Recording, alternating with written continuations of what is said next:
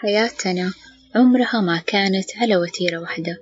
أيام نكون فيها بقمة حماسنا وأيام العكس تماما. نحتاج بين كل وقت والثاني نجدد حماسنا نجرب شي جديد أو نغير الروتين. وأحيانا كل اللي نحتاجه خطوة نبدأ فيها بالتخطيط لأهداف جديدة أو نرجع لأهداف قديمة وقفنا بنصها فجأة بدون ما نحاول نكمل أو نعرف السبب. بودكاست خطوة حيكون معاكم بأكثر من صوت.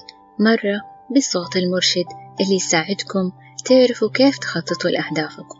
وقبل كده كيف تكتشفوا أنفسكم وتصنعوا رسالتكم في هذه الحياة.